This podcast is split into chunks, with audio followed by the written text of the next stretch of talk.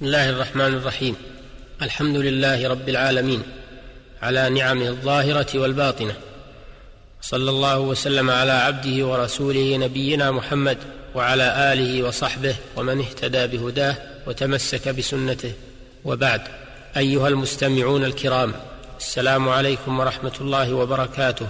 نواصل الحديث معكم عن بقية محظورات الإحرام حيث كنا تناولنا في الحلقة السابقة أولها.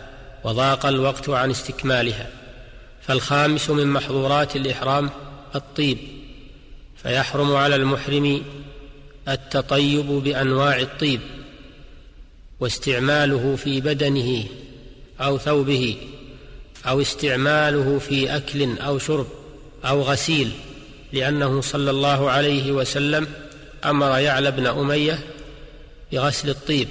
وقال في المحرم الذي وقصته راحلته ولا تحنطوه متفق عليهما والحنوط هو الطيب ولمسلم ولا تمسوه بطيب ولأبي داود والترمذي وغيرهما قال رجل من الحاج يا رسول الله؟ قال الشعث التفل.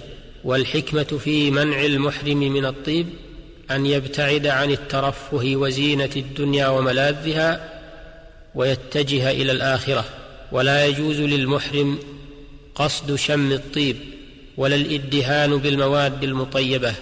السادس من محظورات الإحرام قتل صيد البر واصطياده. لقوله تعالى يا أيها الذين آمنوا لا تقتلوا الصيد وأنتم حرم أي محرمون بالحج أو العمرة. وقوله تعالى وحرم عليكم صيد البر ما دمتم حرما. أن يحرم عليكم الاصطياد من صيد البر ما دمتم محرمين فالمحرم لا يصطاد صيدا بريا ولا يعين على صيد ولا يذبحه ويحرم على المحرم أكله مما صاده أو صيد لأجله أو أعان على صيده لأنه كالميتة في حقه. ولا يحرم على المحرم صيد البحر لقوله تعالى أحل لكم صيد البحر وطعامه ولا يحرم عليه ذبح الحيوان الإنسي كالدجاج وبهيمة الأنعام لأنه ليس بصيد. ولا يحرم عليه قتل محرم الأكل كالأسد والنمر مما فيه أذى للناس. ولا يحرم عليه قتل الصائل من الصيد دفعا عن نفسه أو ماله.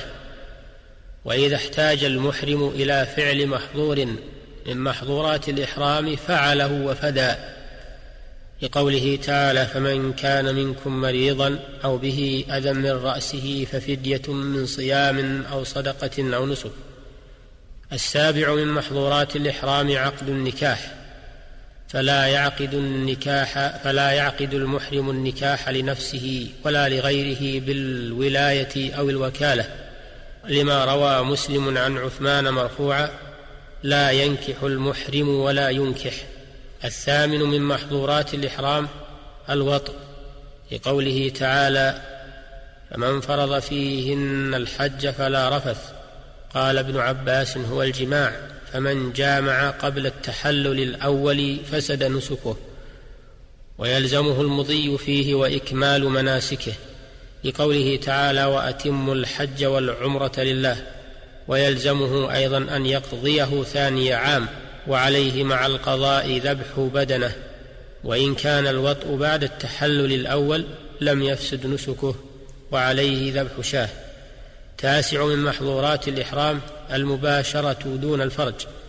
فلا يجوز للمحرم مباشرة المرأة لأن المباشرة وسيلة إلى الوطء المحرم. والمراد بالمباشرة ملامسة المرأة بشهوة ويتجنب المحرم الرفث والفسوق والجدال.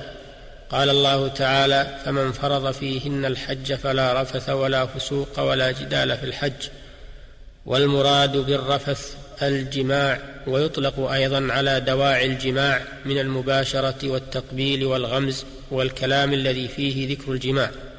والفسوق هو المعاصي لأن المعاصي في حال الإحرام أشد وأقبح لأن المسلم في حالة الإحرام في حالة تضرع وعبادة.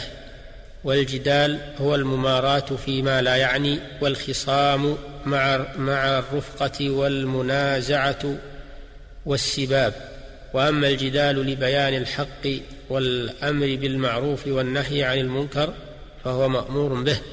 قال الله سبحانه وتعالى وجادلهم بالتي هي أحسن ويسن للمحرم قلة الكلام إلا فيما ينفع. ففي الصحيحين عن أبي هريرة رضي الله عنه من كان يؤمن بالله واليوم الآخر فليقل خيرا أو ليصمت وعنه مرفوعا من حسن إسلام المرء تركه ما لا يعنيه ويستحب للمحرم أن يشتغل بالتلبية وذكر الله وقراءة القرآن والأمر بالمعروف والنهي عن المنكر وحفظ وقته فيما يفيد وأن يخلص النية لله ويرغب فيما عند الله لأنه في حالة إحرام واستقبال عبادة عظيمة وقادم على مشاعر مقدسة ومواقف مباركة فينبغي له أن يهيئ نفسه لذلك وأن يبتعد عما لا ينبغي.